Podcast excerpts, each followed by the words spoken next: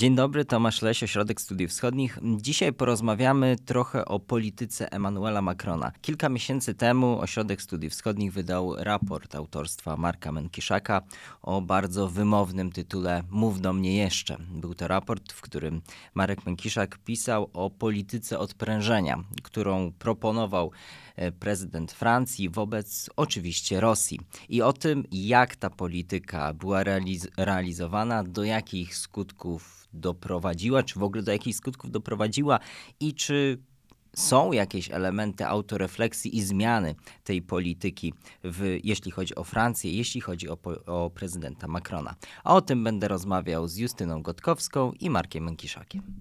Dzień dobry. Dzień dobry. To jest podcast Ośrodka Studiów Wschodnich.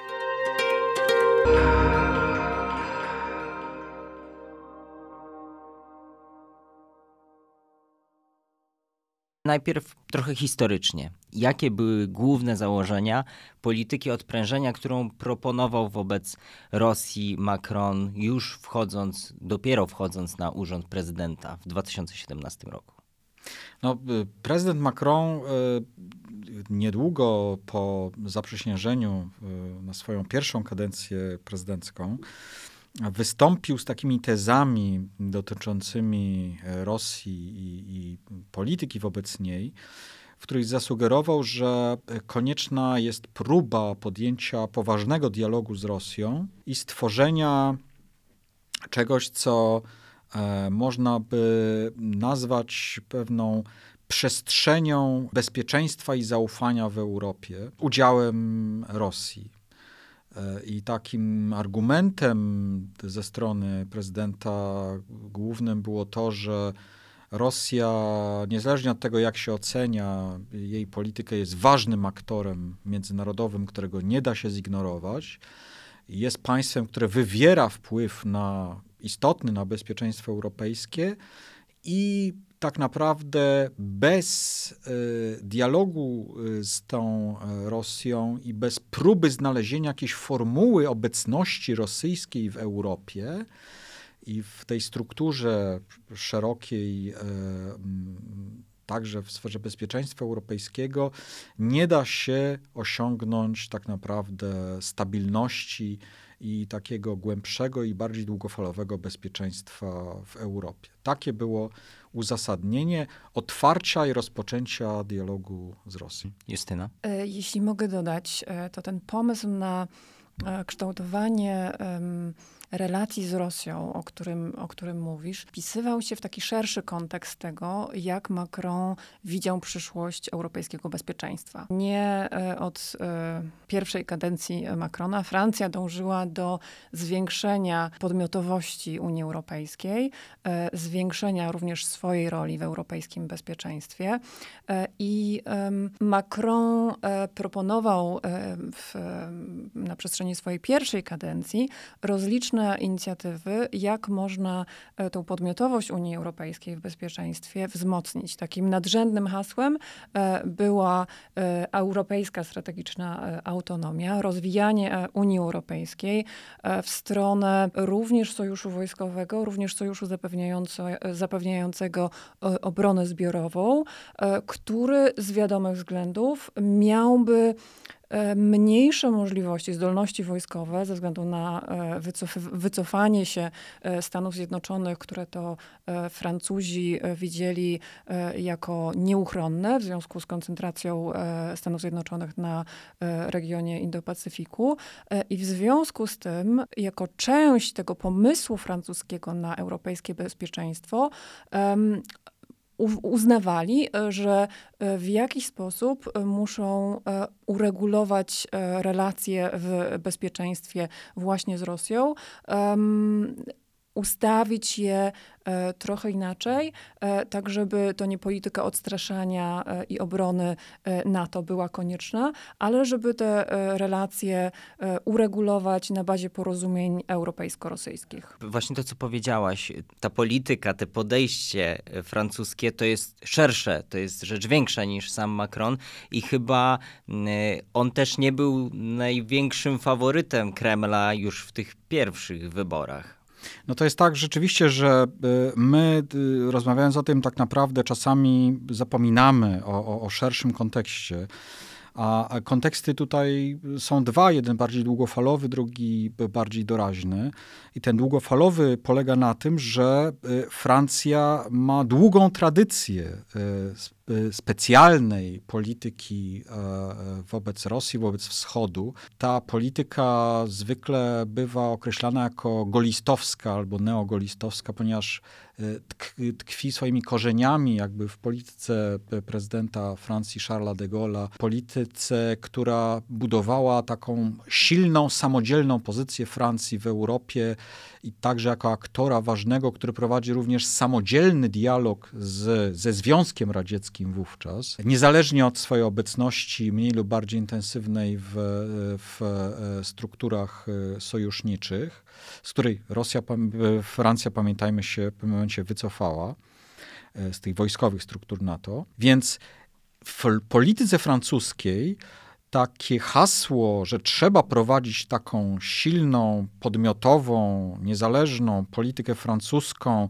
i budować mosty ze wschodem i budować to, co ta, dawniej także określano jako pewna wspólna przestrzeń, w Europie, wielki europejski dom, czy inaczej, ona jest głęboko osadzona w tej tradycji. W związku z tym to, co, z czym wychodzi teraz e, e, Macron, czy wychodził, to nie jest coś nowego, to nie jest coś obcego w kulturze francuskiej, to jest coś bardzo znajomego. I drugi element doraźny, o którym chciałem powiedzieć, to jest to, że bynajmniej Macron nie był najbardziej radykalnym z, jakby z polityków francuskich, który stawiał pewne tezy. Wręcz był dosyć Co więcej, tak, my nie wszyscy o tym chcą pamiętać, że w, zarówno w tych wyborach e, przed e, pięciu laty, jak i w ostatnich wyborach, Macron był, e, jeśli nie najbardziej, to jednym z najbardziej nieprorosyjskich nie chcę powiedzieć antyrosyjskich, ale nieprorosyjskich polityków spośród czołowych kandydatów. Pamiętajmy, że i w poprzednich wyborach, i w ostatnich wyborach głównymi kontrkandydatami Macrona byli z jednej strony e, Marine Le Pen, e, przywódczyni Frontu Narodowego. Postać, która miała i ma długą historię e, bliskich kontaktów z Kremlem, z Putinem i wszyscy pamiętają, bo to jest często podnoszony argument, jej partia uzyskała kredyt skontrolowanego przez Rosjan czeskiego banku i w swoich wypowiedziach, wystąpieniach bardzo jakby mocno podkreślała konieczność współpracy z Rosją, uznawała e, e, Ukrainę za część rosyjskiej strefy wpływów, e, wyrażała zrozumienie dla aneksji Krymu, no, wygłaszała bardzo ostre i bardzo prorosyjskie tezy. A z drugiej strony, jakby na kolejnym biegunie był pan Jean-Luc Mélenchon, przedstawiciel lewicy francuskiej, który wygłaszał niesłychanie antyamerykańskie i antyanatowskie deklaracje i deklarował absolutną konieczność zerwania Francji z NATO całkowitego i tak naprawdę budowania antyamerykańskiej polityki, także w oparciu o bliskie relacje z Rosją. Więc na tym tle Macron tak naprawdę wypadał bardzo korzystnie, starając się prezentować taką wyważoną, zbalansowaną wizję, e, umiarkowaną tej polityki e, francuskiej. Justyna? E, ja tu dodałabym jeszcze dwie kwestie. E, te golistowskie tradycje we Francji są bardzo silne i tak jak Marku mówiłeś, one polegają na wzmocnieniu Francji jako podmiotu na, na arenie międzynarodowej. Wydaje mi się, że Macron przetransformował trochę tą ideę z tego względu, że za Macrona Francja proponuje, żeby to Unia Europejska zwiększyła zwiększyła swoją podmiotowość e, wobec największych graczy Stanów Zjednoczonych, Rosji, z silną oczywiście pozycją Francji, w szczególności e, w obszarze bezpieczeństwa i, obron i obronności, w obszarze, w obszarze e, przemysłowym. Ale to nie wszystko. Wydaje mi się, że również Macron jest nie tylko najmniej, czy był nie tylko najmniej prorosyjskim kandydatem z tych najważniejszych wymienionych przez ciebie, ale Macron był najbardziej proeuropejskim kandydatem. Tak jak mówiłam, to Unia Europejska powinna zyskać na znaczeniu według prezydenta Francji i najbardziej jednak protransatlantyckim kandydatem, mimo że w stosunku do NATO Macron miał, był dosyć powściągliwy i miał różne idee, łącznie, e, łącznie z e, powiedzeniem o śmierci e, mózgowej sojuszu. Ale nie zapominajmy, że Francja w bezpieczeństwie i obronności ściśle współpracuje ze Stanami Zjednoczonymi i dzieje się to przede wszystkim w Afryce, gdzie oba państwa na poziomie takim wojskowym uzupełniają się i bez Stanów Zjednoczonych często te francuskie operacje, w szczególności w Sahelu, byłyby po prostu niemożliwe, więc Macron tak dosyć pragmatycznie traktuje tą współpracę ze Stanami Zjednoczonymi, jednocześnie strategicznie myśląc o trochę innej roli e, Stanów Zjednoczonych w Europie, e, niż my byśmy sobie tego życzyli. Mhm. Właśnie te, to wszystko, o czym mówiliście, te, te jakby tło, które jest też ważne, wydaje mi się dobrze, że o tym powiedzieliśmy, bo jest ważne też dla zrozumienia tego, co Francja i Macron robią dzisiaj. E, ale ta diagnoza z początków prezydentury, czy jeszcze z kampanii prezydenckiej e, Macrona, właśnie dotycząca także NATO. No, on mówił to, co wspomniałaś, o śmierci mózgowej. To było oblane jeszcze współczesną diagnozą. Jak daleko ona się wtedy posuwała?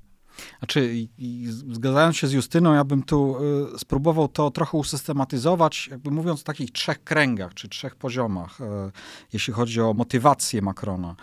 Z jednej strony ten poziom najszerszy to jest globalna wizja, jego diagnoza sytuacji globalnej.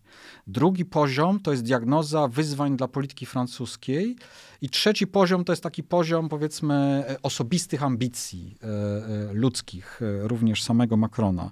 Jeśli chodzi o te globalne mm, aspekty, w wystąpieniach Macrona, w jego programowych dokumentach przebija taki dosyć mocno pesymistyczny obraz e, analizy sytuacji międzynarodowej. E, Macron cze często podkreśla, że e, z jednej strony mamy do czynienia z kryzysem Zachodu jako wspólnoty, i z tym, że zwłaszcza Unia Europejska, to o czym Justyna mówiła, jakby jej relatywnie y, aktor, który powinien odgrywać dużą rolę w polityce międzynarodowej, jakby relatywnie słabnie, a z drugiej strony mamy do czynienia z, ze Stanami Zjednoczonymi, które coraz bardziej odchodzą tak naprawdę od Europy, które, których coraz bardziej interesy są sprzeczne z interesami europejskimi. I stąd pojawia się ta myśl o, o autonomii strategicznej, więc odpowiedź na z jednej strony tą przekonanie o tym, że nieuchronne jest wycofywanie się Amerykanów z Europy, ale też przekonanie o tym, że te interesy transatlantyckie coraz bardziej tutaj jednak e, w pewnych sprawach, zwłaszcza gospodarczych, ale nie tylko, są ze sobą e, sprzeczne. I przekonanie, że nowe niezachodnie mocarstwa, przede wszystkim Chiny, ale nie tylko Chiny, także właśnie Turcja czy Rosja, to są te ambitne kraje, które prowadzą asertywną, wręcz agresywną politykę, które rzucają wyzwanie. I trzeba próbować e, z tymi krajami się jakoś układać. E, czyli z jednej strony reagować na ten jeden, e, jedno wyzwanie, jakim jest właśnie problem relacji ze Stanami Zjednoczonymi, a z drugiej strony reagować na kolejne wyzwanie, który, które, którym jest problem e, w ułożeniu sobie jakiegoś modus vivendi z nowymi autorytarnymi mocarstwami, które prowadzą politykę szkodzącą europejskim interesom. Za tym idzie także kolejny poziom, czyli diagnoza wyzwań dla polityki francuskiej i tutaj dlaczego Rosja? Y, to też jest pewien paradoks. Y, dlaczego między innymi Macron uważał, że Francja musi prowadzić dialog koniecznie, zwłaszcza na tematy bezpieczeństwa z Rosją? Ponieważ widział, rosnącą aktywność Rosji i obecność Rosji w miejscach, które Francja uważała za swoje, swoją strefę bezpieczeństwa, za swoją strefę interesów, czyli przede wszystkim w Afryce. ta rosnąca wyraźnie obecność rosyjska w Afryce, asertywna polityka, pojawiająca się też coraz bardziej wojskowa obecność rosyjska w Afryce, paradoksalnie napędzała Francję, napędzała Macrona do stwierdzenia, że ponieważ Rosja jest w coraz większym stopniu dla mm, Francji samej wyzwaniem, w związku z tym Francja musi ten dialog z Rosjanami prowadzić, żeby wybadać, czy w ogóle da się ułożyć jakby relacje z tą Rosją, czy, czy jakoś powstrzymać trochę tych Rosjan od tego, żeby nie uderzali może aż tak mocno w te interesy francuskie. I wreszcie ostatni poziom, czyli ten no, aspekt y, y, ludzki, indywidualny. No, nie ma co ukrywać, że Macron też osobowościowo jest człowiekiem bardzo ambitnym który ma też o sobie y, wyobrażenie jako o polityku dużego formatu i polityku, którego nie tylko kraj, ale który jako osoba powinien mieć większe znaczenie w polityce międzynarodowej. I w związku z tym była taka wyraźna linia, w, wydaje się, i motywacja w, w działaniach Macrona, żeby trochę przejąć pewne, pewną e, inicjatywę i pewną pozycję lidera, nieformalnego lidera europejskiego. Patrząc na Niemcy, z którym nieustannie ta cicha rywalizacja, ścisła współpraca, ale też cicha rywalizacja, to zaraz Justyna może e, na ten temat coś powie, się odbywała i odbywa, e, była taka pokusa, że ponieważ Niemcom się nie udaje trochę e, te ścisłe relacje z Rosją, tradycyjnie pielęgnowane, rozwijać, więc może my, może Francja przejmie inicjatywę, zwłaszcza, że postrzegane było osłabienie pewne Niemiec i polityki niemieckiej. Więc to, to, to Francja chciała i on osobiście, Macron, chciał narzucić tę swoją inicjatywę, przejąć tę inicjatywę i troszeczkę jakby podnieść też swoją rolę i wykorzystać ją też wewnętrznie że on tutaj prowadzi do, wprowadza nowe myśli, nowe radykalne idee, reformuje Europę, jest wielkim reformatorem, jest e, politykiem, mężem stanu dużego formatu i w związku z tym jest człowiekiem z charyzmą, człowiekiem, który również e, powinien w związku z tym być nagradzany w postaci kolejnych wygrywanych wyborów prezydenckich we Francji. Mhm. E, ja bym powiedziała kilka słów jeszcze o tej francuskiej narracji, ponieważ e, moim zdaniem e, ona zależy bardzo, czy diagnoza, m, mm, analiza sytuacji międzynarodowej francuska, taka jak przedstawiłeś właśnie, Marku, e, bardzo zależy od e, e, celów francuskich, o których opowiadaliśmy przed chwilą. To, że Macron od lat twierdzi, że Stany Zjednoczone wycofują się z Europy, przeczy po prostu faktom. Już zwłaszcza teraz. A zwłaszcza teraz. E, Stany Zjednoczone po 2014 roku zwiększały swoją e, obecność wojskową, e, ekonomiczną, a także polityczną, przede wszystkim w państwach wschodniej flanki. I to, z czym mamy do czynienia teraz w trakcie wojny i przed i w trakcie wojny na Ukrainie, pokazuje, że Stany Zjednoczone coraz bardziej w tej Europie się angażują 10 tysięcy żołnierzy amerykańskich w Polsce, dodatkowo kilka tysięcy w regionie Morza Czarnego, w państwach bałtyckich. E, to, to są nieporównywalne liczby e, do udziału europejskich sojuszników, takich Niemcy czy Francja, e, we wzmacnianiu wschodniej flanki. Francuzi, przypomnijmy, byli obecni w ostatnich latach z około 200-300 żołnierzami rotacyjnie w Estonii w tej chwili zapowiedzieli e, zwiększanie swojego zaangażowania e, w Rumunii jako taka, takiego państwa wiodącego e, kolejnej z grup natowskich, ale mm, to pokazuje najlepiej, patrząc na liczbach, jakie są realia, czy były do tej pory realia, a jakie, jaka jest francuska narracja i to się po prostu rozjeżdża.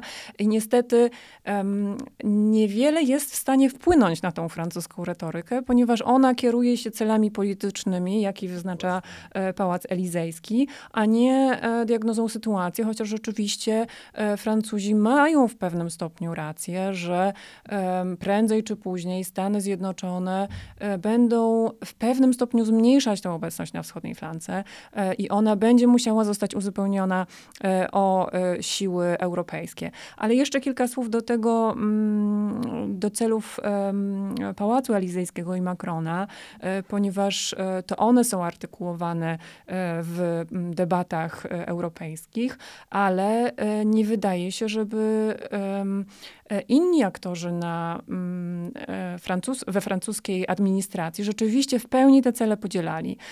Z tego, co słyszymy, to Ministerstwo Obrony Francji, Ministerstwo Spraw Zagranicznych ma odmienną analizę E, tego, jak e, Francja e, powinna układać sobie relacje z Rosją. Odmienną to znaczy? Odmienną od Pałacu Elizyjskiego, to znaczy inaczej stronę? widzi um, działalność rosyjską w Afryce, postrzega um, konsekwencje tej działalności um, inaczej niż, niż prezydent Macron i uważa, że, Francję, że Rosję trzeba powstrzymywać, a nie z nią współpracować. Skąd taki dwugłos w ramach jednego obozu władzy? Tam nie ma wrogiej Ja myślę, że to, to, to również to nie tylko obóz władzy, ale to, to jest analiza wojskowych w Ministerstwie Obrony. Wydaje mi się, że francuski MSZ jest podzielony i tam są również podziały pomiędzy poszczególnymi departamentami, ale w systemie politycznym Francji y, to Pałac Elizejski narzuca agendę polityczną i kieruje polityką państwa y, i w taki sposób, a nie inny, artykułuje cele francuskiej polityki w kwestiach europejskiego bezpieczeństwa i w kwestiach relacji z Rosją. Zamknijmy ten może segment historyczny, powiedzmy, chociaż historii, mówimy cały czas o historii bardzo najnowszej e, i zapytam was o działania, które Macron podejmował w ciągu tej swojej pierwszej kadencji, jeśli chodzi o to zbliżenie z Rosją. Jakie to były działania i czy one przyniosły rzeczywiście jakieś skutki? No i z jaką reakcją też Kremla się spotykały? No, y, to był y, przede wszystkim cały szereg inicjatyw, które by miały prowadzić do stopniowego odbudowania dialogu politycznego. Jak rozumiem, na szczeblu bilateralnym, jak i unijnym. Tak, na szczeblu bilateralnym i na szczeblu unijnym. Na szczeblu bilateralnym to była cała sieć tak naprawdę różnych y, instytucji, regularnych spotkań, konferencji międzyrządowych francusko- rosyjskich, e, kontaktów międzyparlamentarnych. E, co ciekawe, udało się tylko częściowo je, je odtworzyć. Tak naprawdę najbardziej wyraźne postępy tutaj miały miejsce w tych sferach, którymi wcześniej Macron się zajmował. Jeszcze poprzednio, jako minister e, e, poprzedniego rządu francuskiego, czyli sfera jakby relacji gospodarczo technologicznych. Tutaj jakby rzeczywiście ten dialog został ponownie wznowiony. Wznowiony został, ale z pewnym trudem to szło, bo odbyły się dwa e, spotkania w formule tak zwanej 2 e, e, plus 2, czyli ministrów spraw zagranicznych i ministrów obrony obydwu krajów. Dlatego były z tym trudności, ponieważ zazwyczaj okoliczności nie sprzyjały tym spotkaniom, ponieważ pojawiały się kolejne przejawy agresywnej polityki rosyjskiej i zagranicznej, i wewnętrznej. Chociażby jedno z takich spotkań było odwołane z powodu próby zabójstwa Nawalnego e, w Rosji, na co Francja też nie mogła nie zareagować, e, podobnie jak cała Unia Europejska.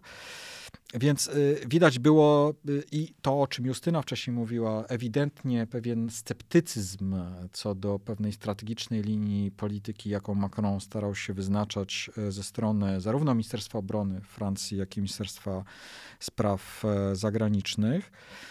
E, więc tak, jak na, tak naprawdę ten powrót y, do tego dialogu był taki nie do końca udany, nie do końca e, konsekwentny. Mm, e, pamiętajmy, że Francja nie tylko nie blokowała sankcji kolejnych wobec Rosji, ale aktywnie współtworzyła kolejne, kolejne pakiety sankcyjne, a było ich kilka. Wobec Federacji Rosyjskiej. Jeszcze przed wojną. Tak, początkowo związane głównie właśnie z bardzo agresywnymi posunięciami w sferze polityki wewnętrznej rosyjskiej, ale także bardzo agresywnymi działaniami zewnętrznymi, chociażby atakiem na Wielką Brytanię przy okazji afery Skripalów, przy, przy cyberatakami na państwa europejskie. Francja solidarnie, to trzeba przyznać absolutnie, sankcje te popierała. I to też było jedno tak naprawdę z przyczyn, dla których Rosjanie e, z takim sceptycyzmem podchodziły, podchodzili do tych inicjatyw Macrona, bo tak naprawdę dla Rosjan kluczowa była kwestia, no dobrze, ale jakie są praktyczne konsekwencje, tak? Znaczy, co my z tego mamy realnie?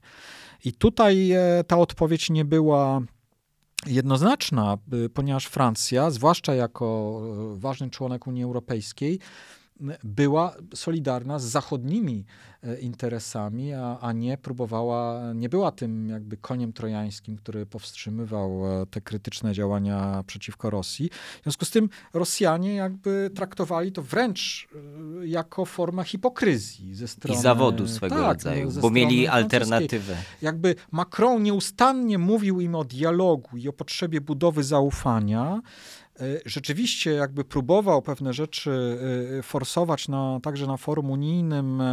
Miały być specjalne, jakby uruchomiony proces związany też z prezydencją francuską w Unii Europejskiej, który miał uaktywnić powrót do dialogu między Unią Europejską a Rosją. Ambasador Vimon został e, mianowany specjalnym przedstawicielem do spraw budowy właśnie tej strefy zaufania i bezpieczeństwa z, e, z Rosją i objeżdżał stolice europejskie, poczynając też od krajów najbardziej sceptycznych, państw bałtyckich, Polski, e, z, tak naprawdę przekonując od, co do dobrych intencji francuskich do tego, że ta inicjatywa Macrona tak naprawdę ma, ma właśnie szlachetne cele i powinna zostać poparta, ten test wobec Rosji powinien jakby nastąpić, ale no nie, y, brakowało efektywności, brakowało skuteczności w tej polityki, brakowało tych decyzji z punktu widzenia rosyjskiego zwłaszcza yy, wiążących, yy, czyli tego rzeczywiście przestawienia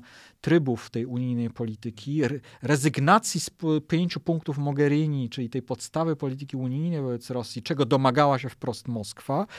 E, więc e, było to rozczarowanie tą polityką i tym ograniczoną jej e, skutecznością i dlatego Rosja no, nie szczędziła też Macronowi różnych właśnie takich wizerunkowych różnych przytyczków czy, czy, czy problemów czy to odmawiając spotkań, czy, czy, czy na przykład sabotując niektóre ustalenia mm, poczynione, jak chociażby spotkanie formatu normandzkiego w sprawie Ukrainy, które sta, bardzo się starał i przeforsował prezydent Macron i rzeczywiście, że odbyło się ono we Francji, ale no, nie, nie doprowadziło do przełamania tak naprawdę pata y, y, politycznego, z jakim mieliśmy do czynienia. Czyli jak rozumiem, pewnym plusem tego, co o ile cała ta wizja Macrona i francuska dla nas powiedzmy niekorzystna, to plusem jak rozumiem z tego, co mówisz, było to, że jednak nie trzymał się jej doktrynalnie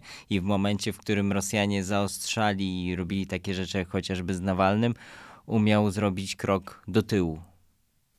E, ja nie wiem, czy to był e, krok do tyłu, czy to jednak um, świadomość, że Francja musi być również jednocześnie silnym aktorem w polityce międzynarodowej.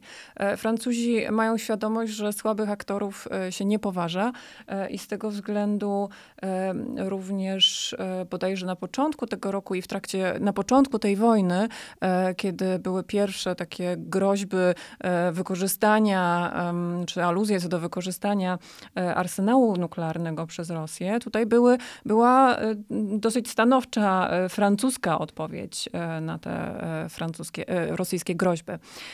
Ale ja bym jeszcze chciała podkreślić to, o czym Marek powiedział, że te francuskie inicjatywy nie zyskały poparcia w Unii Europejskiej.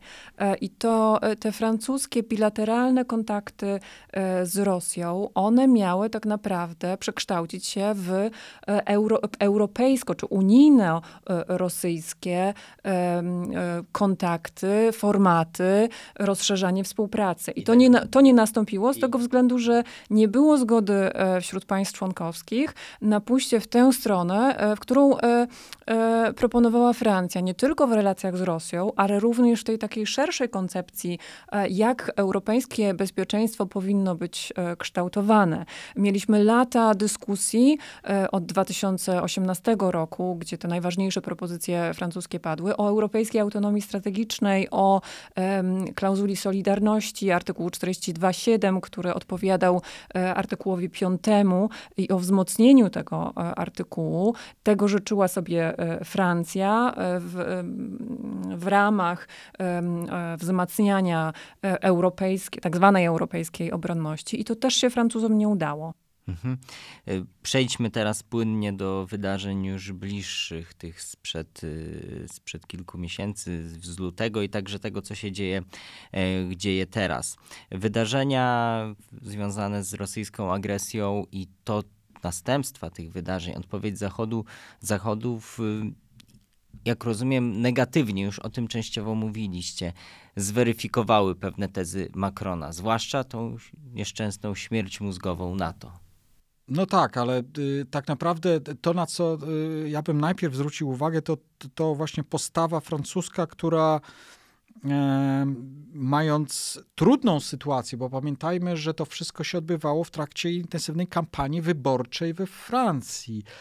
E, sytuacja bardzo niekomfortowa z punktu widzenia politycznego dla Macrona, czyli krótko mówiąc, on został postawiony w sytuacji, kiedy jego dotychczasowa polityka także wobec Rosji, okazała się kompletnie nieskuteczna. Jakby w żaden sposób nie wpłynęła e, pozytywnie na politykę rosyjską, na te radykalne decyzje, które Rosja e, agresywne e, podjęła.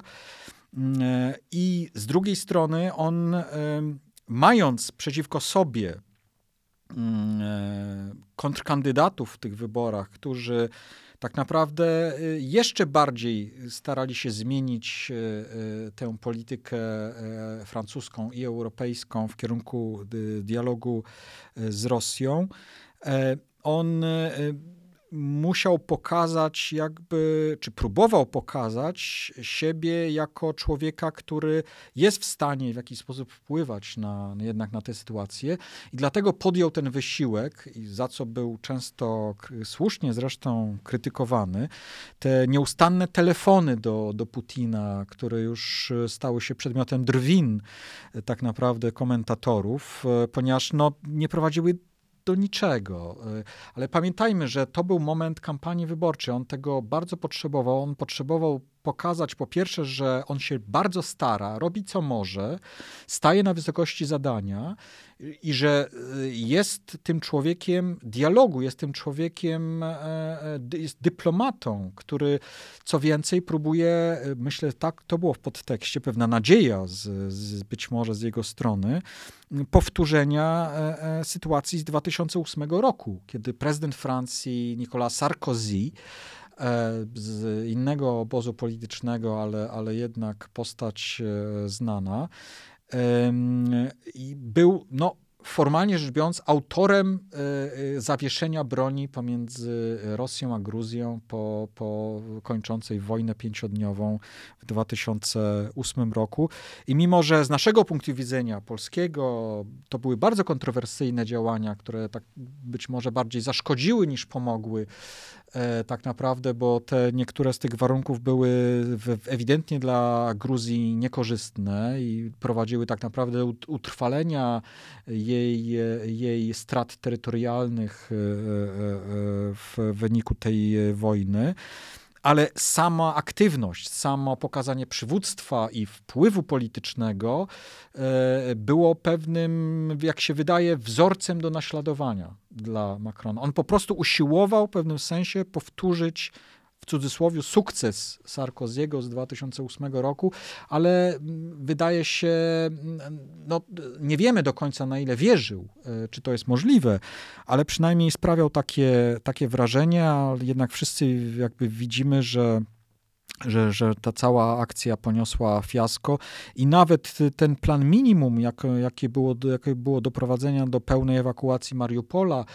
co stawiał jako tak naprawdę taki doraźny cel swojej aktywności, no niestety nie zakończyła się e, sukcesem. Ale jeżeli interpretujemy to, co robił Macron też w kontekście kampanii wyborczej, to się zakończyła dla niego sukcesem, bo wybory prezydenckie wygrał. E, to prawda, ale odpowiadając na pytanie, czy ta wojna spowoduje rewizję francuskiej polityki. Moim zdaniem w małym stopniu.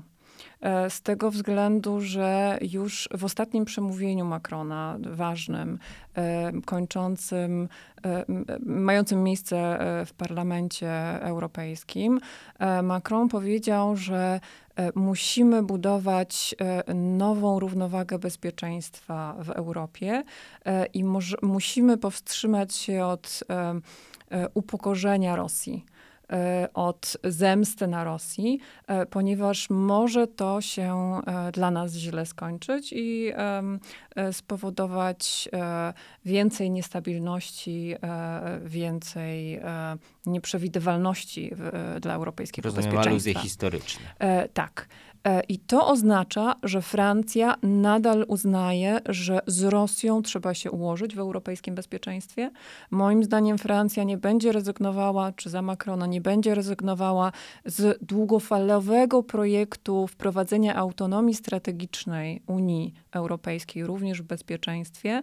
I mimo, że nie ma na ten projekt zgody wśród państw członkowskich unijnych, e, to poprzez e, pewne instrumenty unijne, e, komisja, w szczególności e, francuski komisarz Thierry Breton, który jest, któremu podporządkowana jest dyrekcja generalna, która zajmuje się e, przemysłem obronnym, e, przestrzeni, współpracą e, przemysłową w przestrzeni ko kosmicznej e, i odpowiedzialna jest za, mm, za inicjatywy obronne czy w, w obszarze bezpieczeństwa unijne, to tutaj będzie poszukiwane takich instrumentów, E, które by rozszerzały zakres unijnych kompetencji, e, pokazywały, że Unia to jednak aktor w obszarze bezpieczeństwa i w pewnym stopniu stanowiły konkurencję dla NATO. To jest oczywiście, mm, będziemy mieć nadal z grą sprzecz, do czynienia z grą sprzecznych interesów, które będą się ucierać w Unii Europejskiej,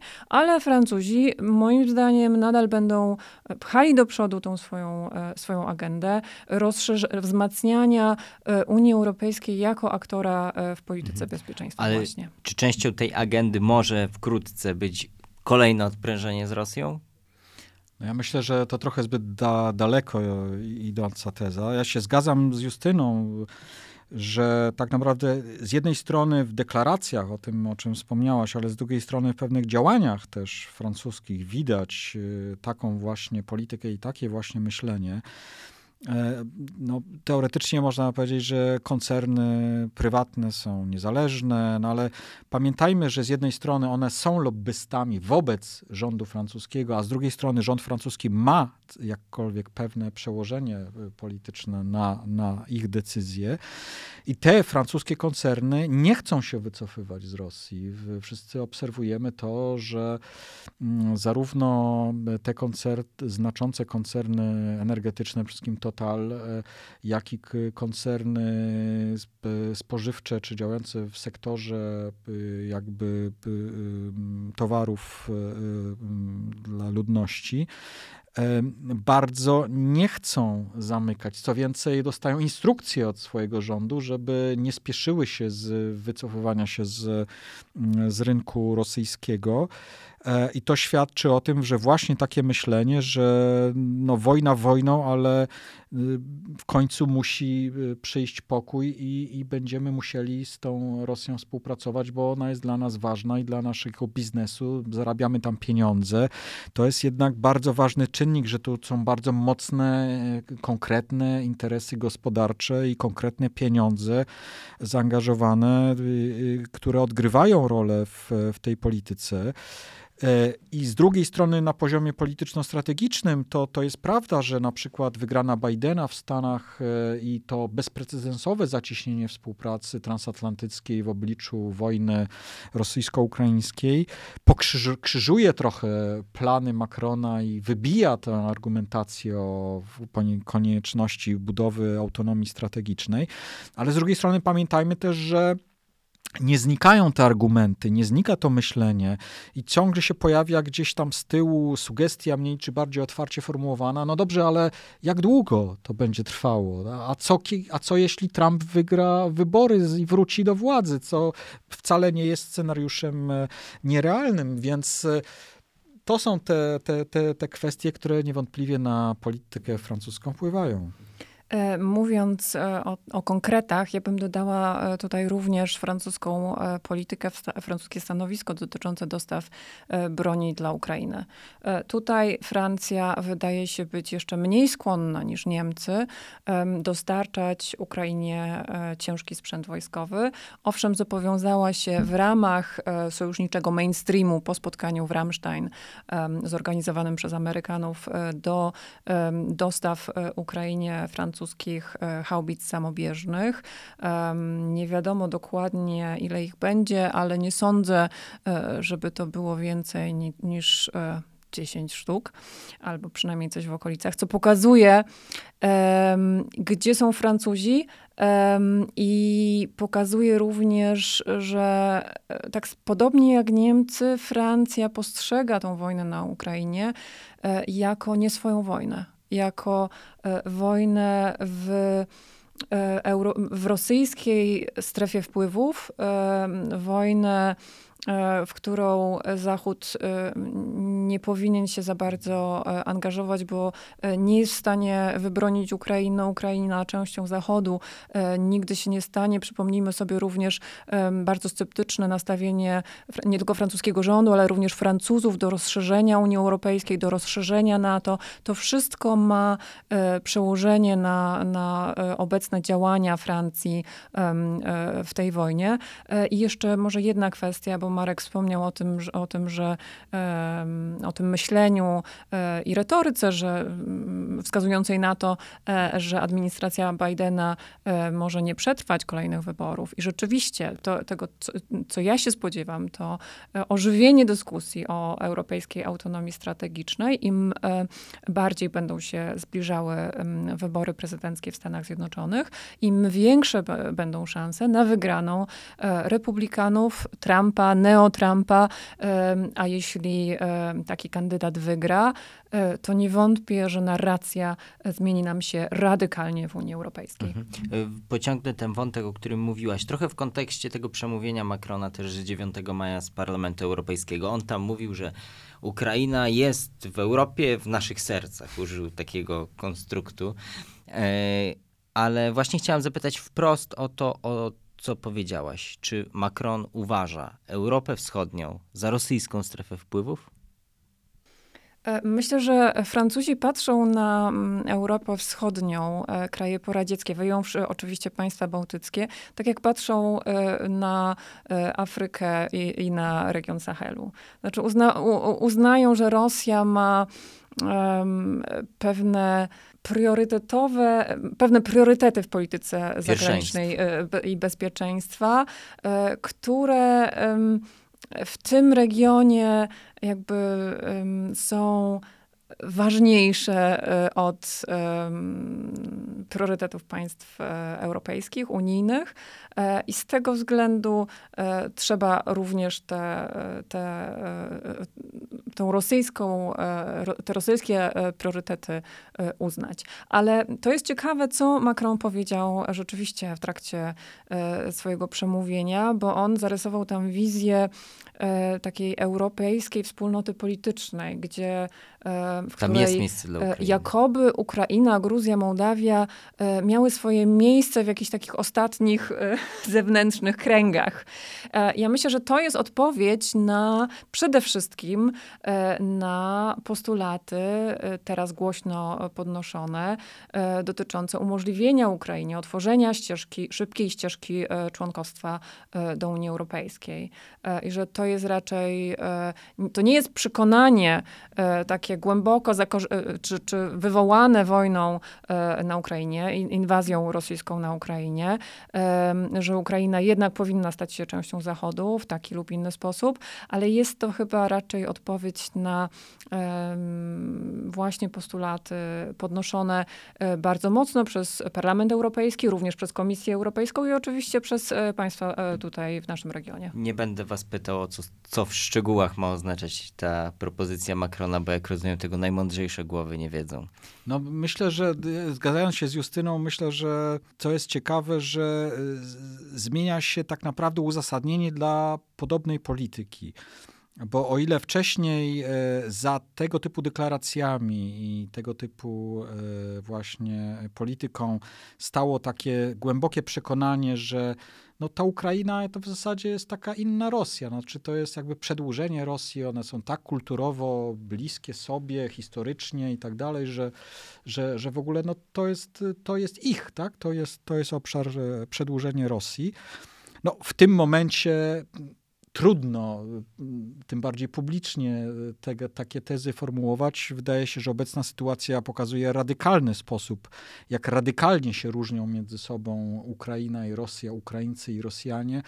I, i żaden polityk o zdrowych zmysłach europejski nie będzie już twierdził, że, że, że Ukraina to w gruncie rzeczy jest mała, mała Rosja.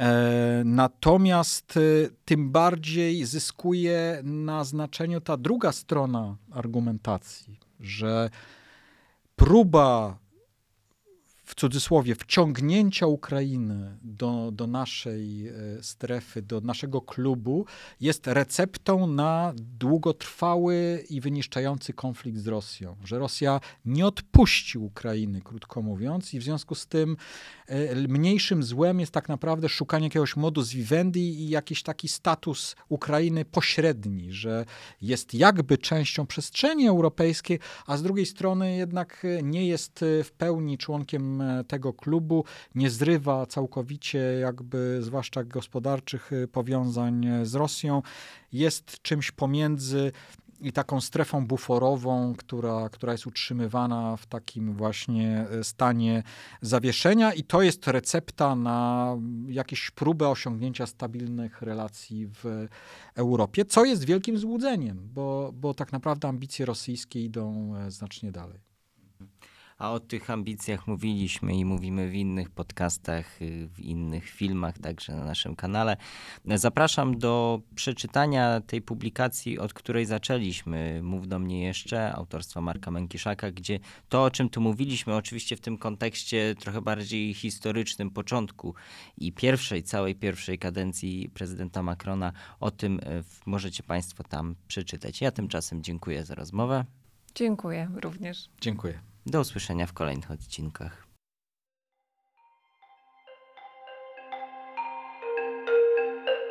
Wysłuchali Państwo podcastu Ośrodka Studiów Wschodnich. Więcej nagrań można znaleźć na stronie www.osw.waw.pl.